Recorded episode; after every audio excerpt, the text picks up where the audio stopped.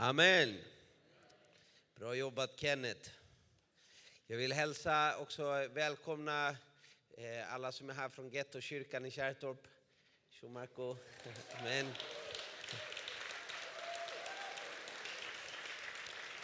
Vi var i, i... Eh, det var roligt, jag fick ett ord för två veckor sedan från Gud.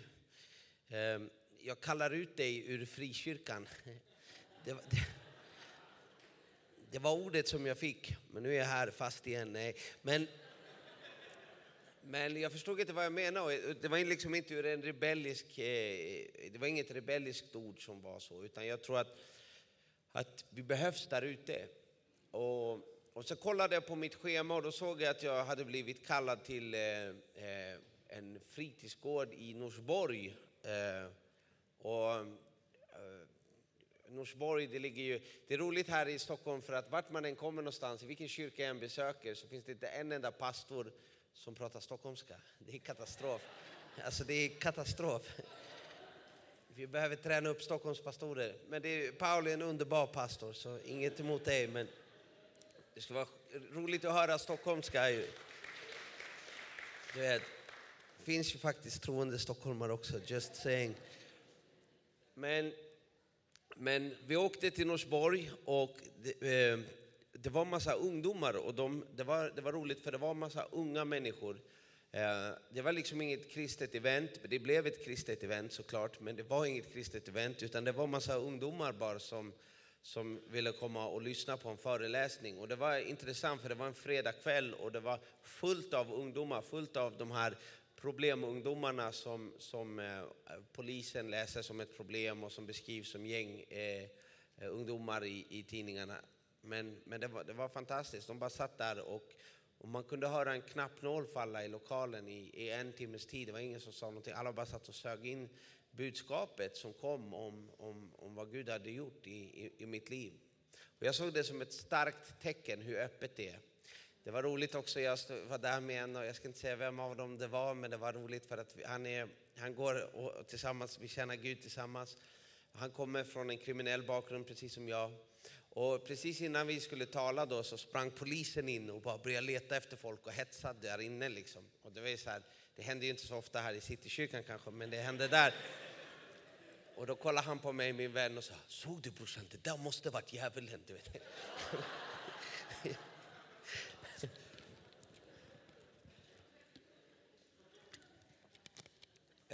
Ja. Men jag tror att Stockholm står för en enorm, underbar ny tid. Eh, och, och den här tiden kommer att särpräglas av att de områdena, de, de ställena som är helt lost i samhällets ögon, de som, eh, för att det är så att det här, den här huvudstaden är väldigt segregerad. Och det är inte lätt att växa upp i Fittja, Botkyrka, det är inte lätt att växa upp i Rinkeby, det är inte lätt att växa upp i Tensta, det är inte lätt att växa upp i Rissne eller i Dalen eller de här områdena på grund av att de är väldigt segregerade och det är, det är katastrof där ute. Man blir liksom fångad in i mörker när man, när man växer upp och mörkret och kriminaliteten och drogerna är så pass normaliserat så att man inte ens tänker att man gör något fel när man börjar gå den där vägen. Men inuti så mår ju alla väldigt dåligt och den psykiska ohälsan exploderar. Och det är inte bara där, utan det är någonting vi ser i hela Sverige. Det står, det står från Socialstyrelsens rapport att den psykiska ohälsan har ökat med 100 procent de senaste tio åren och det är ju katastrofsiffror. Men i allt detta, när mörkret är som mörkast så, så finns det ett ljus som mörkret aldrig kan släcka och det är evangeliet om Jesus Kristus och det är en grogrund. Jag brukar tänka så här, de brukar säga till mig, vi behöver en ny regering så att det här landet blir ett kristet land. Brukar folk säga till mig. Så jag brukar tänka så här, hallå, du vet, om ni tänker att regeringen ska lösa problemen i vårt land, då har ni större tro än vad jag har. Alltså det, det är inte så det kommer gå till. Du vet. Det enda som kan hända i, i vårt land, det enda som kan rädda den här utvecklingen som sker, det är att människor får möta Jesus, bli förvandlade av honom. Det är inte politikerna som kommer lösa de här problemen i de här områdena. Och, eller någonstans i Sverige överhuvudtaget. Jag har hört de här politikerna hela mitt liv säga, och det roliga är för att de här partierna de byter åsikter du vet, var, var femte år. Så att nu när jag lyssnar på Socialdemokraterna så låter de som Moderaterna lät för fem år sedan och när jag lyssnar på Moderaterna låter de som Sverigedemokraterna lät för fem år sedan. Och man bara, hallå vet ni ens vilka ni är?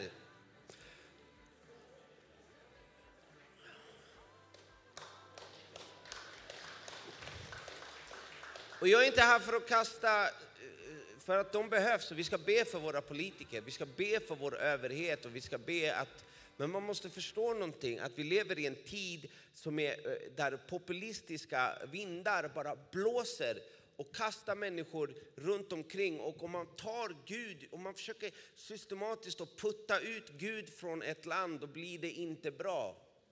Och då spelar det ingen roll vem som sitter bakom spakarna, vilka ideologi, om det är höger, vänster eller upp eller ner, utan vi behöver evangeliet tillbaka. Och ett sätt som vi har fått, ett ord som vi har fått, är att den här väckelsen den kommer komma som en, som en gryta. Att det, att det kommer brinna upp, nere på botten.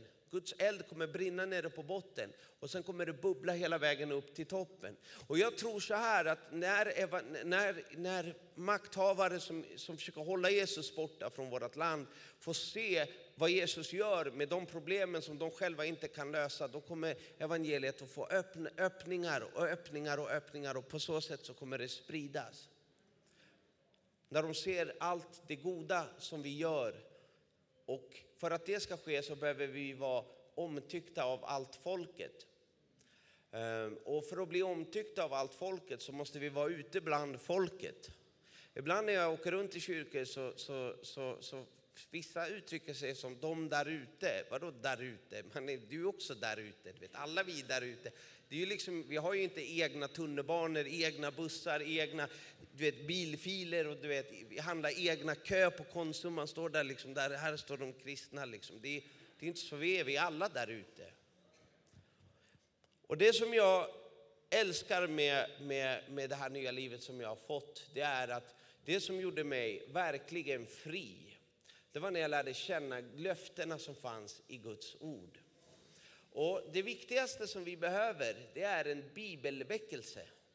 Vi behöver få en, en, en väckelse i, i, i Guds ord. För, för allt som inte är, Guds ord är som ett tveeggat svärd. Det skiljer själ från ande. Och varför behöver själen skiljas från anden? Jo, för att i själen så sitter dina, alla dina känslor. Och det kan ju vara fantastiskt att gå hit till den här gudstjänsten. Alla mår bra när man ser du vet, det är bra musik, är, man får kaffe och kaka i ingången liksom.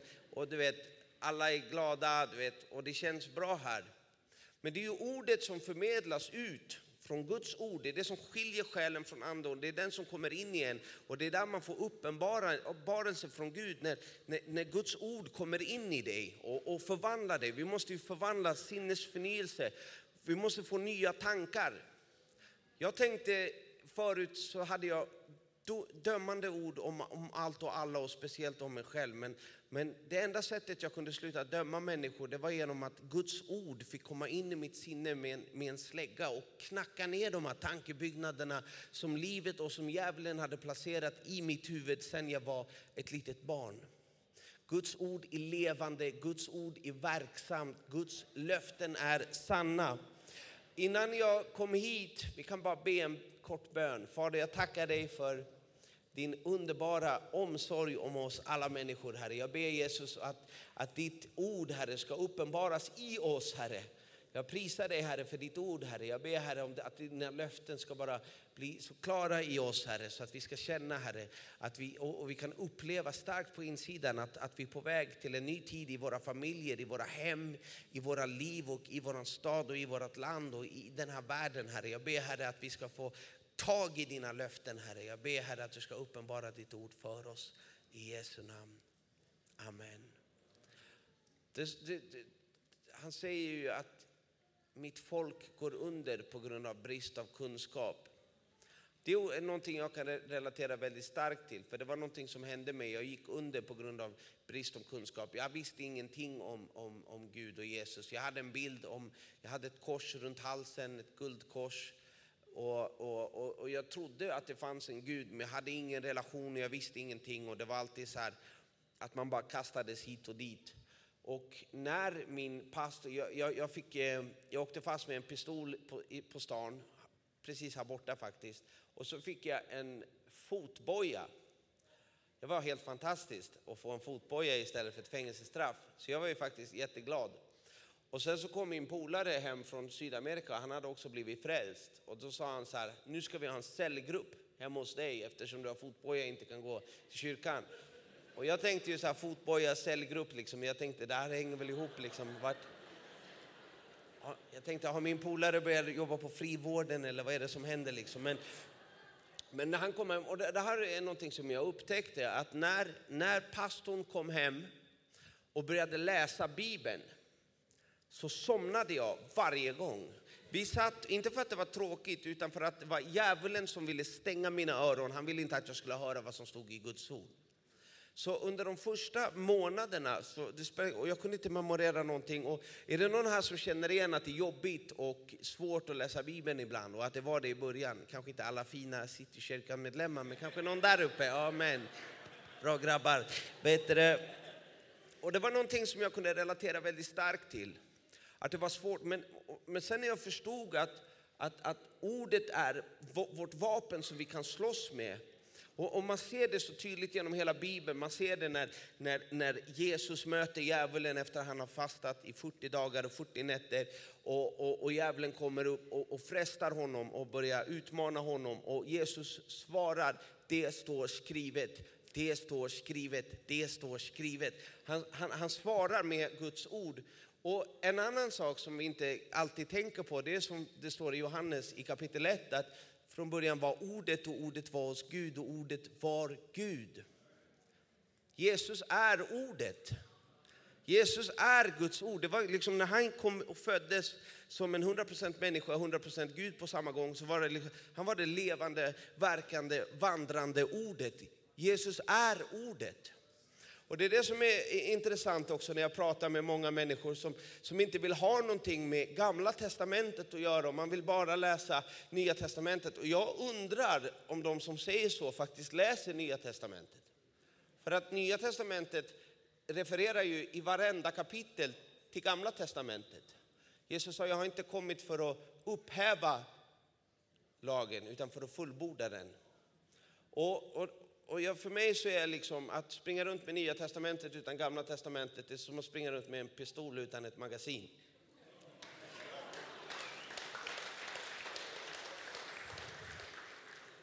Och det som är så underbart när man fördjupar sig i, i Guds ord, och jag måste ju säga, medge här att bland alla de här old schools som sitter här inne som har läst Bibeln i 60 år så är jag en glad amatör.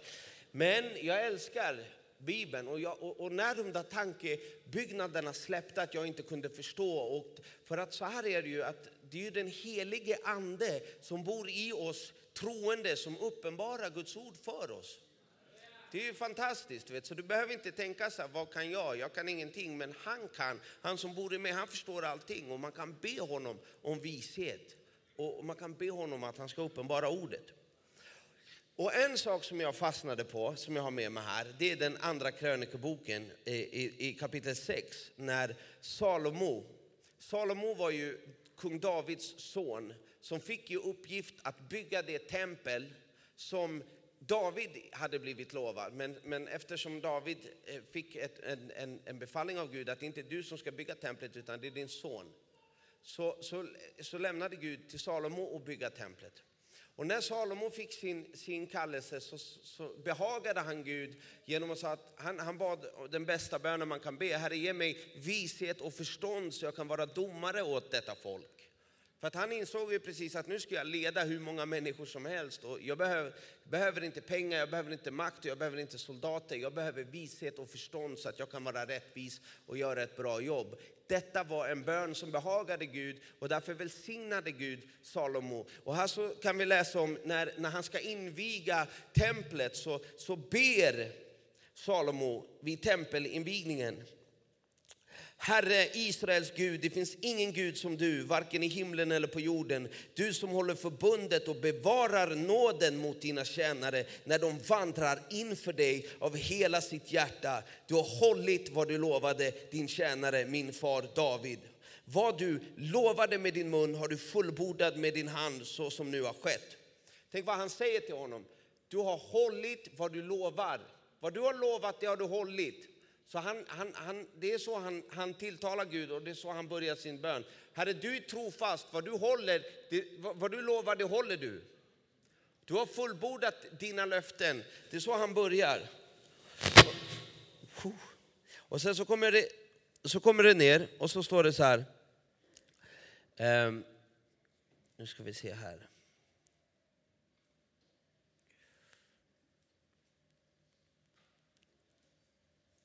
Så här.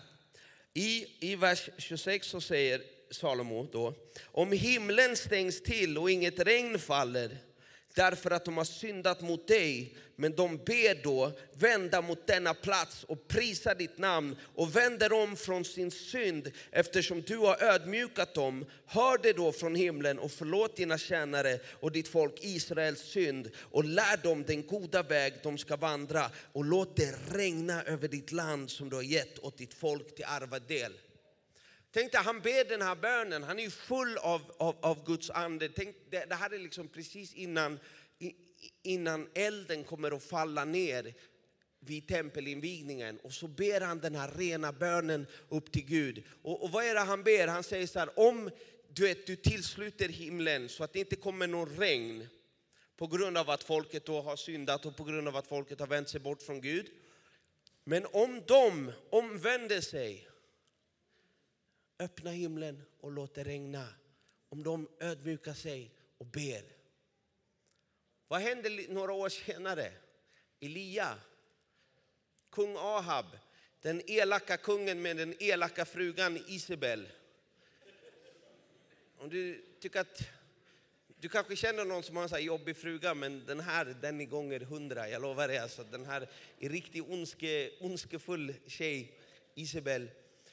Och, och, vad, och, precis det som har hänt, att, jag ska dra en snabb version då. Israel som är ett folk som har varit vana vid öknar hela sitt liv, kommer in till Kanans land, det landet som, som Abraham har blivit lovat.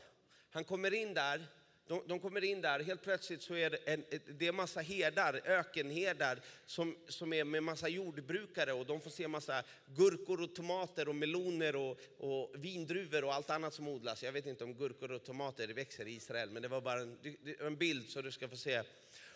Och då började de, och då kollade de så här, hur kommer det sig att de har så mycket grönt och, och, och så mycket mat? Jo, men de tillber den här guden Bal, och, och, det var ju en avgud. Och då föll Israels folket i, i synd och började vända sig bort från Gud och började tillbe Bal. Och det var ju någonting som Gud inte gillade och därför sände han Elia. Och Elia bad en bön och det regnade inte på landet i över tre års tid. Om du, om folket syndar och du tillsluter himlen. Det hände ju, exakt det som står i Bibeln, det hände. Folket syndade och det kom inget regn. Och så, så kommer den, när, när eh, Elia möts på, på Karmel, när han utmanar kung Ahab och han utmanar Asera och Baal-profeterna, sammanlagt 850 stycken på berget Karmel. Och, och, och, det blir en, en showdown där på berget.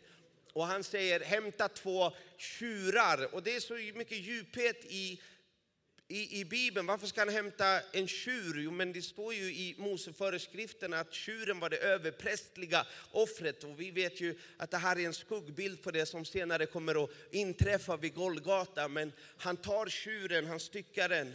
Han bygger profetiskt upp ett rike som är splittrat, Sydriket och Nordriket. Han bygger upp tolv stenar symboliserande av Israels tolv stammar. Och han hämtar tolv krukor fulla med vatten och häller över det. Och sen så förutmjukar han fienden. Kom igen, ropa på er Gud. Kolla om eld kommer falla ner från himlen. Och de ropar och de ristar sig och de skriker, men det händer ingenting.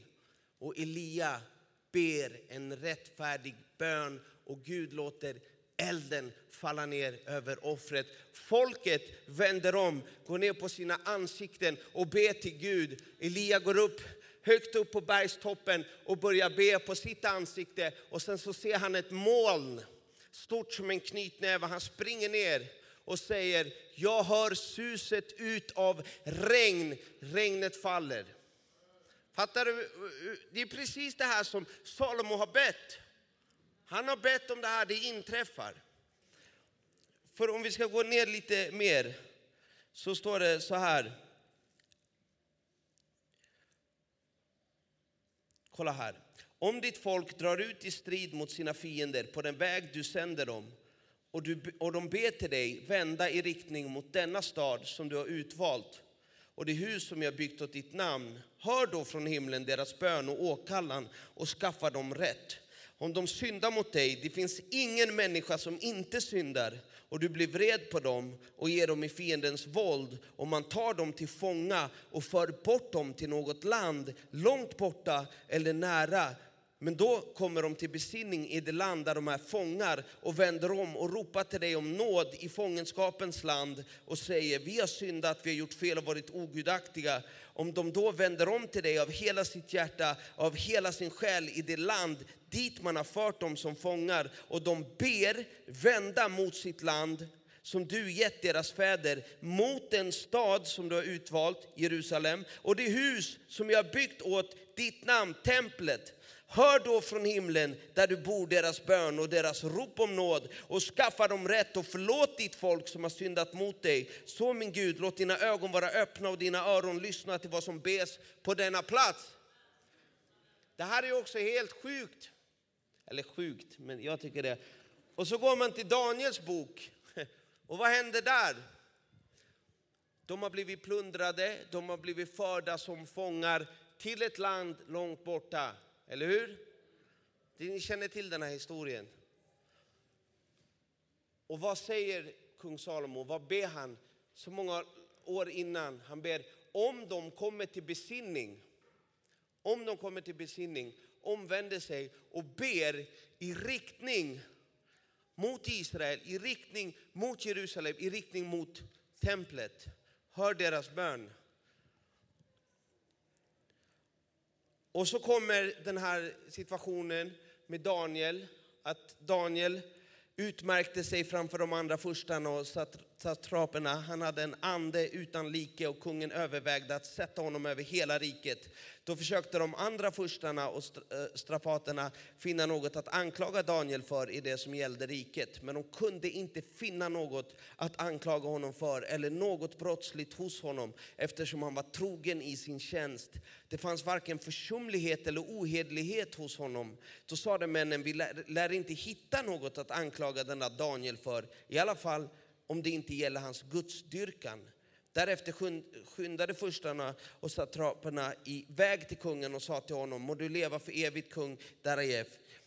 Rikets alla furstar, guvernörer och satraper, rådsherrar och ståthållare har enats om att det bör antas en kunglig förordning och ett utfärdas ett påbud. Den som under 30 dagar ber till någon annan gud eller människa än dig, o konung, ska kastas i lejongropen. Så utfärda nu, o konung, ett påbud och sätt upp en skrivelse som efter Mediens eller Persiens orubbliga lag inte kan återkallas. Och så, så här så står det, så Daniel han sitter i en rävsax för att han älskar Gud. Han har blivit den mannen som han har blivit för att han tillber Gud och för att han, han söker Gud. Och nu så kommer de emot honom och säger om han tillber Gud och inte till kungen, om han ber till kungen, då ska han straffas och kastas i lejongropen. Men så kommer han, från vers 10 så står det så här. Så snart Daniel fick veta att skrivelsen var uppsatt gick han in i sitt hus. På övervåningen hade han fönster öppna i riktning mot Jerusalem. Där föll han ner på sina knän tre gånger om dagen och bad och tackade sin Gud precis som han tidigare brukat göra. Tänk dig det här. Det här är, liksom, det är så i Bibeln, under hela Bibeln så, så pekar allting framåt. Och allting i hela Bibeln pekar framåt mot Jesus. Och nu kan vi tänka så här att för 2000 år sedan så föddes Messias i ett stall i Betlehem. Han levde och växte upp under, under sin faders behag under 30 år och sen började han verka tre år. Och han blev förföljd på grund av att han inte passade in i deras religiösa ramar. Och han såg inte, Gud såg inte ut så som människor hade trott att Gud skulle se ut. Och det är ganska vanligt att det blir så. Du vet. Gud han rör sig på nya sätt och han, han, han använder vem han vill och han gör precis vad han vill. Och, och när, när Guds egen son vandrar på denna jord så, så känner de inte igen honom och de, de gör planer för att döda honom, för att anklaga honom för att deras hjärtan var hårda. De hade hårda hjärtan. Men sen så kom den här underbara eh, stunden och den fruktansvärda stunden när Guds egen son väljer att gå korsets väg, väljer att, att misshandlas, stampas och, och, och spottas på, att, att de spikar honom med, med, med spikar genom händerna och spikar genom fötterna, misshandlad och bespottad i oigenkännlighet. Och de kände, han var så slagen så att folk kunde knappt känna igen honom. Där hängde han och blödde för våra synders skull. Och det var ju också en, en upprepning. Och jag tänker bara den, att, att det hände precis på påsken och att det var ju Moses som hade fått föreskrifterna när de skulle få bli friade ut ur Egypten. Att, han, att, att de skulle ta isop och de skulle slakta ett felfritt lamm och de skulle ta blodet från lammen. Och så ska de dra isopen och så ska de strä, stryka blodet över trät på dörrposterna så att döden skulle passera förbi.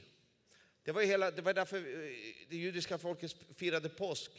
Och nu det här hände precis på påsket och Guds felfria lamm, felfria, syndfria lamm offrades och blodet ströks över trät. Och varför? För att döden ska passera förbi, för att likt kopparormen som Mose upphöjde i öknen så, ska, så var det bara så att de behövde titta på honom för att bli fria. Och Jesus hängde på det där korset, på det där trädet med de där spikarna. Och människorna förstod ingenting vad som hände, stod och hånade honom. Och han sa, Fader förlåt dem för de vet inte vad de gör. Förlåt dem för de vet inte vad de gör. Och så drog han sitt sista andetag och så sa det, det är fullbordat. Och sen vet ni att efter tre dagar så det uppstod han från graven, visade sig för många, många människor och blev upptagen till himlen. Det här är ju känt i kyrkan. Men vad sa änglarna till galileerna som stod och tittade på honom när han togs upp till himlen? Galileer, varför står ni här och tittar på honom? Vet ni inte att han ska komma tillbaka på samma sätt som han togs upp? Det här är någonting som jag inte alls hade förstått. Utan när jag tog emot Jesus så började jag behandla Jesus ungefär som en, en, en, en bekänt. Typ jag ville leva mitt eget liv, jag ville gå min egen väg, jag ville göra allting på mitt eget sätt. Och så gick jag runt sådär och sen så fort det hände, jag hamnade i problem, då sprang jag till Jesus och sa Jesus hjälp mig med det här, hjälp mig med det här, hjälp mig med det här, hjälp mig med det här. Och han är god, han är barmhärtig, han är full av nåd så han självklart kommer och hjälper oss. Men det är ju inte det som, som egentligen står i Bibeln. Och varför behöver vi gå in i ordet? Varför behöver vi verkligen förstå A till Ö i den här boken? Och varför måste den uppenbaras för oss? Ingen kan förstå hela Bibeln för att den är för djup. Och, och, och, den visheten har inte blivit givet till oss. Men, men Gud kan uppenbara vishet på varje sida i den här boken. Och varför behöver vi den här visheten? Jo, för att när Guds ord kommer in och blir levande verksamt i oss, då slutar det handla om oss och det börjar handla om honom. Hur ska du kunna säga att du älskar någon som du inte ens... Så, så, så, så hur skulle jag kunna säga så? här, jag älskar dig Jesus, jag älskar dig Jesus, men jag lägger ingen tid i alls att lära känna honom. Det är precis som en, en, ett sånt här förhållande där, där, där den ena, allting handlar om den ena och ingenting handlar om den andra. Det blir inte ett jämlikt förhållande, det blir inte ett bra förhållande. Så när vi dyker in i den här boken, och, när vi, och, och, och nu lever vi i spännande tider för nu, i, i, kommer, nu, nu närmar sig tiden till, till slutet. Han kommer komma tillbaka, Jesus är på väg tillbaka. Amen. Tänk bara på den. Jesus är på väg tillbaka. När lärjungarna hade samlats i den övre salen och han hade sagt vänta på mig i Jerusalem, vänta i Jerusalem. Och de satt bakom låsta dörrar livrädda på grund av det religiösa förtrycket och på grund av att de, liksom, de, var, inte, de var inte säkra i Jerusalem. Och de var rädda och de sitter där. Men endräktigt endräktigt håller de ut i bön. Och då kom det från himlen som när en våldsam storm drar fram och tungor som av eld fördelar sig på var och en av dem. Alla blev uppfyllda av den helige ande och började tala främmande språk allt eftersom anden ingav dem att tala. Och Det här är så fantastiskt när anden faller i, över församlingen och Petrus som har varit en, en, en man som precis har gått igenom det svåraste han någonsin har gjort i hela sitt liv. Han förnekade Herren. Men nu, men så blev han upprättad av Herren. Och allt som var hans eget, sin egen storhet och sin egen stolthet, det bara bröts. Och så var han i en plats av förkrosselse och, och, och, kände sig så liten. Och det är där Gud kan börja använda oss, när vi inte förlitar på vår egen styrka och vilka vi är, utan bara krossade framför han. Liksom. Ett, ett, ett krossat och bedrövat hjärta, det föraktar du inte Herre. Där faller anden över Petrus och han sparkar upp dörren. Jag vet inte om han gjorde det, men jag tycker om den bilden. Bam! Och så kommer han ut liksom och gör århundradets comeback eller årtusendets comeback och predikar. Och det här är ju intressant också. Vad är det han predikar? Jo, han predikar ju ordet för dem. Han predikar inte sig själv. Vi predikar inte oss själva, vi predikar Kristus. Han predikar ordet för dem. Och det hugger till i människornas hjärtan. Bröder, vad kan vi göra för att bli omvänd? Vad, vad kan vi göra? Och då säger han, omvänd er.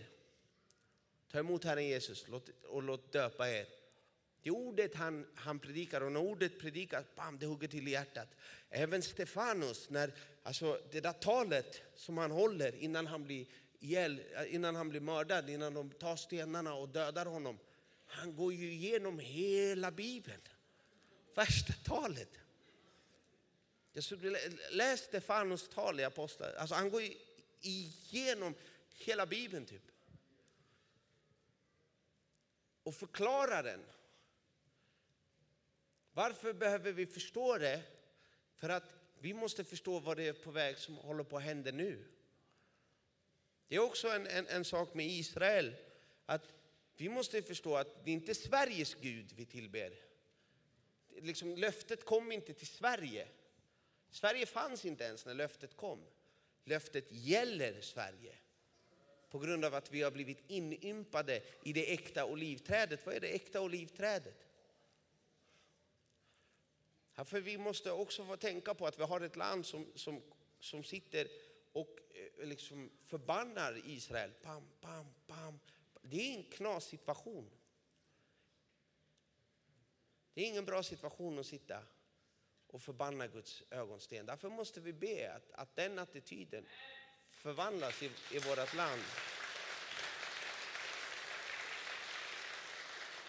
Och jag träffar många unga människor som också, och när jag växte upp så hade jag en jätte, jag hade en hatisk relation till Israel som nästan alla jag kände.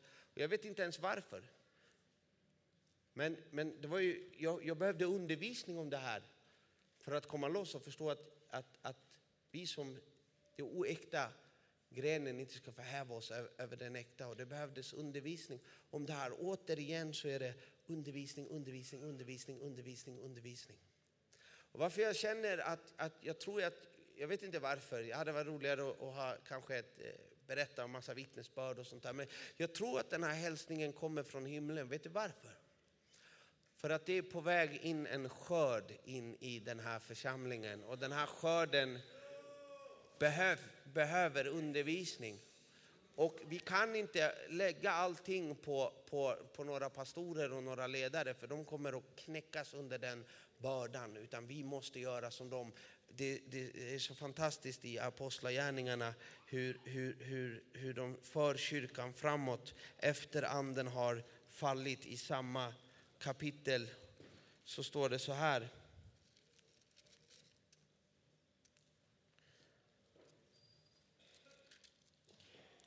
De höll troget fast vid apostlarnas undervisning och vid gemenskapen, brödbrytelsen och bönerna. Varje själ greps av bävan och många under och tecken gjordes genom apostlarna. Alla de troende var tillsammans och hade allt gemensamt. De började sälja sina egendomar och ägodelar och delade ut till alla efter vars och ens behov. Varje dag var de troget och enigt tillsammans i templet. Det är ett ord för oss alla, troget och enigt tillsammans i templet. Och i hemmen bröt de bröd och delade måltid med varandra i ljuvlig innerlig glädje. De prisade Gud och var omtyckta av allt folket. Och Herren ökade varje dag skaran med dem som blev frälsta. Det här gäller fortfarande än idag. Jag har en kompis som heter Ben eh, Fitzgerald, en australienare, och han sa så här. You have to teach the Swedish people to bring a sinner to dinner.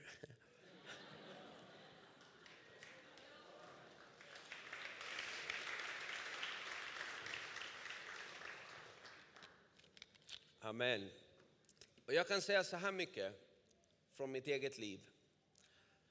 Att när jag var som mest fast i kokainet, jag hade mött Jesus jag hade mött honom 2013, men 2015 så tog jag ett aktivt beslut att lämna kyrkan. Jag sa till pastorerna att de fick inte ringa mig för att jag kände mig så dålig och så smutsig och så ond så att jag tänkte jag hör hemma i mörkret, det här är inte för mig. Och jag sa till min fru, sluta prata med mig om Jesus. Och jag började ta kokain varje dag, tog två överdoser under sex månader. Och när jag väl sov när jag väl somnade efter att ha terroriserat min familj med, med psykotiska tankar i, i, fyra dygn och när jag väl däckade så kom min underbara hustru och eh, samma kvinna som bara några år tidigare när jag hade någon som sa att han skulle döda mig och jag frågade henne vad ska jag göra? Hon sa gå och hämta en pistol och försvara dig själv. Det, det har hänt lite med henne också. Och, och jag kommer in och hon kommer in i sovrummet när jag ligger där helt däckad och böjer knä vid mig och bara lägger sina heliga händer på mig och säger snälla Jesus, gör min man fri, gör min man fri, gör min man fri. Och när jag befunnit mig i den här, jag befann mig i en bilkrasch, smällde en bil i 140 km i timmen. Precis innan vi smällde så hör jag Guds röst som säger sätt på dig bilbältet. Jag sätter på mig bilbältet, bam, smäller bilen och jag skulle inte ha levt om han inte hade räddat mig. Och vid det tillfället när han kom till mig så var jag påtänd, jag var full och, och jag lyssnade på gangsterrap i bilen och jag höll en öl i handen.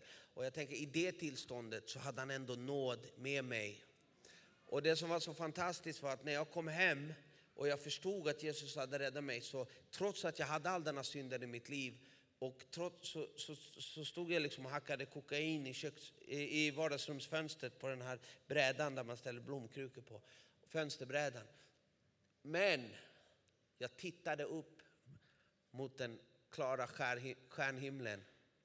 Och jag, tittade, jag riktade mitt fokus mot honom och mitt hjärta mot honom. Och jag började tala till honom fast jag var påtänd. Så sa jag, Gud du ser var jag befinner mig just nu. Du ser att jag inte vill vara här. Du ser att jag inte vill gå igenom det här. Jag vill inte vara en dålig pappa. Jag vill, inte vara en, jag vill vara en bra far till mina barn. Jag vill vara en bra man till min, min fru. Jag vill vara en bra son till mina föräldrar. Jag vill inte ha det här mörkret i mitt liv. Snälla Gud, gör mig fri. Snälla Gud, hjälp mig. Och du vet att Många skrattar åt mig. Många kollar han har psykos, han, han ber, han är påtänd. Och, och, och, det var ingen som förstod mig, inte de i kyrkan. Och inte de i kyrkan. Många ringde till min fru och sa lämna honom. Det var ju tur att hon inte lyssnade på dem, tycker jag idag. Eh, och, men det var en pastor som heter Bosse, som jag alltid kommer ära så länge jag lever, som, som ringde till henne och sa Gud har makt att bryta igenom. Gud kommer att göra honom fri. Håll ut, håll ut och be för honom.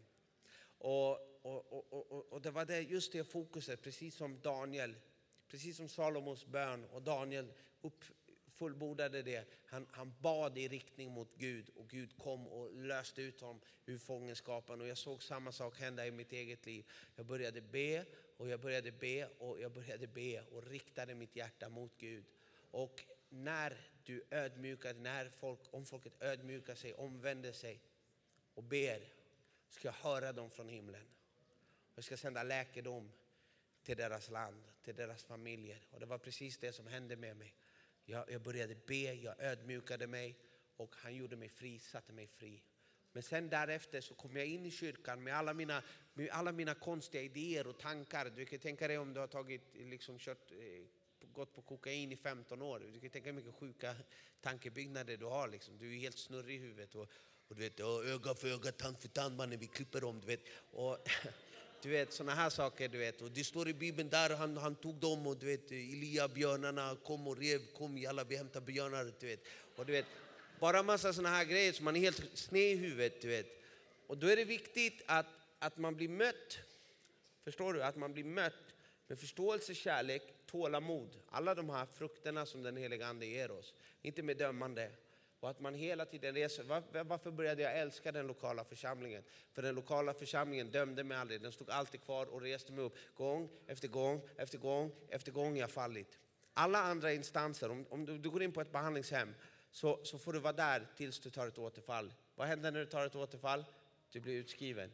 Vad händer när, när, när du gör en, eh, om du sitter på en öppen anstalt och gör ett misstag, du blir skickad till en låst anstalt. Alla andra, socialen, om du gör ett eh, fel med en socialtjänstlägenhet, de skriver ut dig. Alla andra instanser som den här skörden som kommer komma in här har mött, kommer att vara så här, om när de ger bort er så är det jalabaj. Men låt oss be till Gud att de inte uppfattar kyrkan på samma sätt. Låt kyrkan vara en plats där man kan gå in gång på gång på gång, på gång, på gång, på gång tills kärleken hos oss troende, tills den troende gemenskapen, till kärleken från Gud genom hans kropp. Vi är hans kropp. Låt oss vara de armarna som kramar om och kramar om och kramar om och kramar om. Tills den kärleken Tills den kärleken bryter ner allt motstånd och man blir ödmjuk och förkrossad. Och när man är i en position där man blir ödmjuk och blir förkrossad, då börjar man undervisa med glädje. Undervisa, undervisa, undervisa, undervisa, undervisa. Jag satt en gång i kyrkan, fick höra en gång predikan om varför man ska betala tionde. Ett budskap, det var inget, det var inget det här står i Bibeln, boom. Jag förstod direkt, sen dess jag har betalat tionde. Det, det, det bara det var den heliga Ande som gav och efter det så blev jag ekonomiskt välsignad. Jag är av med mina skulder, jag har fått ett bra liv och jag vet att allting hänger ihop med mitt tiondegivande. Men det var inte för att få det, det var bara för att om Gud säger så så vill jag följa Gud, jag vill respektera vad han säger. Och det kom för att någon läste upp det ur hans ord. Därför vi måste, och inte bara säga kom på söndag, lyssna på Paul, utan var tillsammans med hemmen med de här, undervisa, öppna boken, förklara, förklara, förklara, förklara grunderna ABC, ABC, ABC, ABC, ABC, precis som i skolan. Amen. Amen. Amen.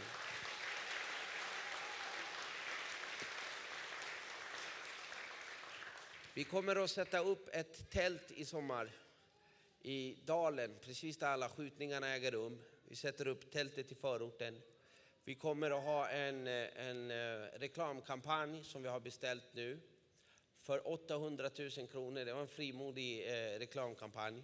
Eh, vet du, vet, jag kan bara nämna några grejer. Vet du vad vi fick? Vi fick du vet de här stora i tunnelbanan, de här stora affischerna.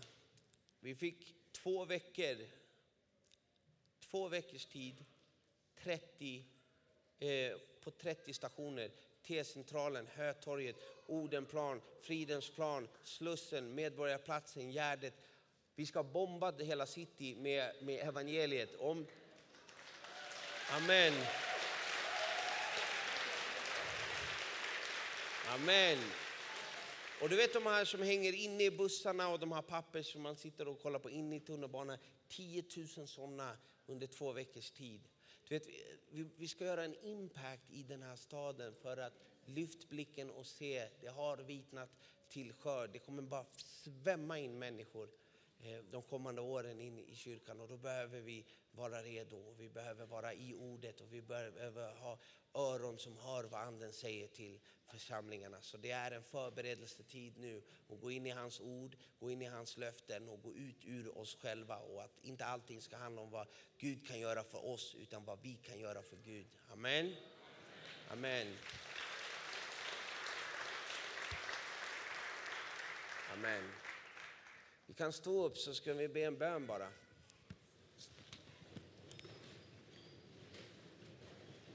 Om det ska vara lovsång på scenen så, så kan ni komma. Amen.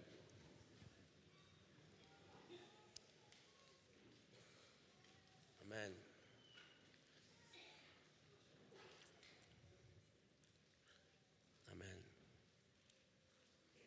Om det är någon som undrar varför jag har keps i kyrkan så är det för att det här är en förortskippa.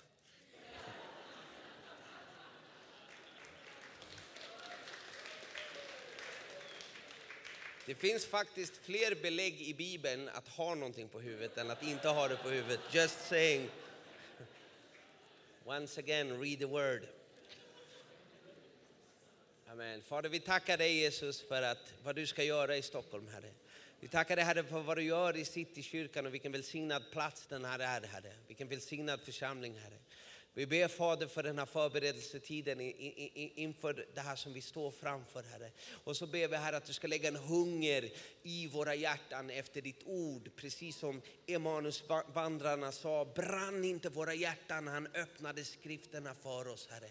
Vi ber Jesus att du genom din heliga Ande ska undervisa var och en i sina hem Herre. Att när vi öppnar den heliga boken och vi läser den heliga skriften så ska du helig Ande uppenbara vad vi läser i oss längtan, i oss löften, uppenbara löften Herre så vi kan gripa tag i löften och vi kan ta dem precis som Daniel tog dem och vi kan proklamera ut dem över vårt land, över våra liv, över våra familjer, över våra städer Herre. Vi ber Herre i Jesu namn Herre att det ska vara så mycket salt och så mycket ljus Herre i våra församlingar att människor de får börja gråta bara de öppnar dörrarna och kommer in här Herre. Vi ber Fader i Jesu namn att vi kollektivt som ett folk, som en kyrka ska sluta strida om vem som har rätt utan att bara inse att det är du som har rätt och det som står i ditt ord är det som är sant och det är det som är riktigt. Och vi ska ödmjuka oss och gå ner på våra knän och bara be Fader i Jesu namn Herre.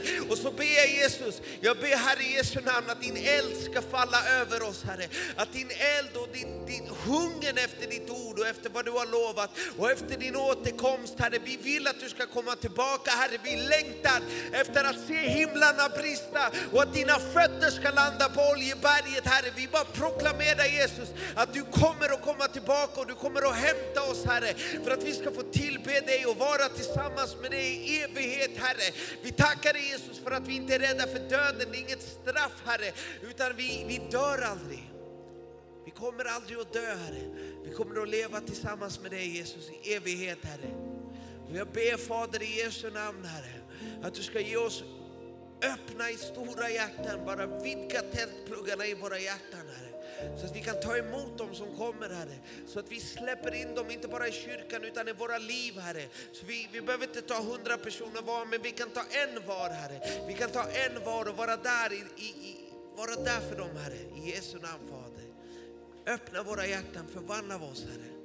Förvandla oss Herre, gör oss en prototyp av vad du vill göra i hela denna staden Herre. Gör oss en prototyp för medmänsklighet, för barmhärtighet, för nåd, för kärlek Herre. För öppna armar och öppna hjärtan, öppna hus Herre. Riv alla murar som vi har byggt mellan oss själva Herre och våra församlingar. Jag ber om det Fader. I Jesu namn. Och om någon inte känner det här inne Herre. Om någon inte känner det Herre så, så, så ber jag Herre att du ska bara uppenbara dig Jesus för dem just nu Herre. Att du älskar dem och att det finns nåd just nu, Herre i Jesu namn. Amen. Jag vill säga till dig som står här inne för att det som blockerar oss från, från Gud och från att längta till hans ord och från att längta till hans närvaro, det är synden. Synden har alltid varit djävulens sätt att separera människor från, från Gud. Så fort vi öppnar upp synden så, så fort vi öppnar upp för den så, så skapar vi ett avstånd mellan oss och Gud. Och, och, det är så enkelt att vi bara behöver be om förlåtelse. Om vi har gjort, syndat så, så ber vi om förlåtelse från ett uppriktigt hjärta så är han rättfärdig, han är rättvis, han förlåter oss våra synder. Men om vi håller på det, om vi gömmer det så, så, så bygger vi den här muren och, och det här avståndet mellan oss och Gud och det blir aldrig bra med det där avståndet och då blir det kallt. Men Jesus vill att du ska vara i värmen, han vill vara i din närhet och det som är underbart med honom att han, han står inte och pekar på dig och vill döma dig för dina synder. Han vill säga bara, jag älskar dig och jag älskar dig för mycket för att du ska fortsätta som du har hållit på. Och med din styrka så kan du inte hålla dig borta från synd, men med Guds kraft och den heliga Andes hjälp så kan han, och undervisningen från hans ord, så kan du bli fri från syndens slaveri. I Jesu namn så, så vill jag bara säga till dig att om du kommer hit och du har synd i ditt liv om du har, har ett avstånd från, från Gud, om du, om, om, du, om, om du känner det där avståndet, om du känner dig kallt, om du går omkring och, och, och känner dig hela tiden anklagad och fördömd och, och, du känner liksom att egentligen, tänk om alla visste vad som hände här inne. Tänk om alla visste vem jag egentligen var. Tänk om alla visste vad jag egentligen tänkte. Och så går du omkring med, med, med en mask för att, för att du har släppt in de här dörrarna för synden. Och det gör vi alla. Vi läste i ordet att, att det, Salomo bad att det finns inte en enda människa som inte syndar. Ingen rättfärdig finns, inte en enda. Men jag tror att Jesus vill lösa dig från, från synd och från mörker idag. Så jag tänkte så här att det står i Bibeln, i Guds ord, att om ni bekänner era synder så är han rättfärdig och förlåter er. Så det, det finns en, det är en, det är en tvåvägskommunikation här också. Att man, man om, om, du fortsätter gömma den så, så kan han inte hjälpa dig, men om du bekänner den så sätter han dig fri. Om du är här inne just nu och du känner att du behöver förlåtelse, vi kan sänka våra huvuden just nu och bara sluta våra ögon så vi behöver inte måla ut någon. Men jag vill bara säga till dig att jag vill be för dig och om du har synd i ditt liv, om du känner dig övertygad av Guds ande just nu, att bekänna dina, dina synder, om du har fallit offer för att hålla på och skvallrar hela tiden och pratar illa om andra kristna eller pratar illa om, om människor eller om du bara sitter fast i pornografi eller om du sitter fast i orenhet eller om du sitter fast i droger eller alkohol, om du sitter fast med, med mörker, om du bara har, känner hat eller om du förtrycker medlemmar i din familj eller om du gör saker och ting som du inte vill göra men du fortsätter att göra dem för att du gömmer allt det där mörkret inne in i dig så vill Jesus bara lösa dig från det idag. Så om du vill att jag ska innesluta dig i den bönen att om, om syndernas förlåtelse. För evangeliet om Jesus Kristus det är ett evangelium om syndernas förlåtelse. Om du behöver syndernas förlåtelse och om, om, om du behöver bli fri från, från, från mörker så räck upp din hand så vill jag bara be för dig. Amen. Amen. Jag älskar Jesus. Tack Jesus. Amen. Amen Fader. Guds ande är här så jag ska be, ni behöver inte komma fram, ni har redan bekänt er synd. Så vi kan be där ni står. Guds ande är här och han verkar. Och om du efteråt känner att du vill prata med någon så kommer det, den möjligheten att finnas. Men vi ber en, en, en bön bara. Och du som räckte upp din hand, du ber tillsammans med mig. Och säger så här, Fader, förlåt mig för alla mina synder. Förlåt för att jag syndat mot dig i tanke, i ord och i gärning. Förlåt mig min synd. Rena mig. Rena mitt hjärta. Rena mina motiv. Förlåt mig min själviskhet. Gör mig mer lik dig. Undervisa mig. Förvandla mig. Rena mig. I Jesu namn.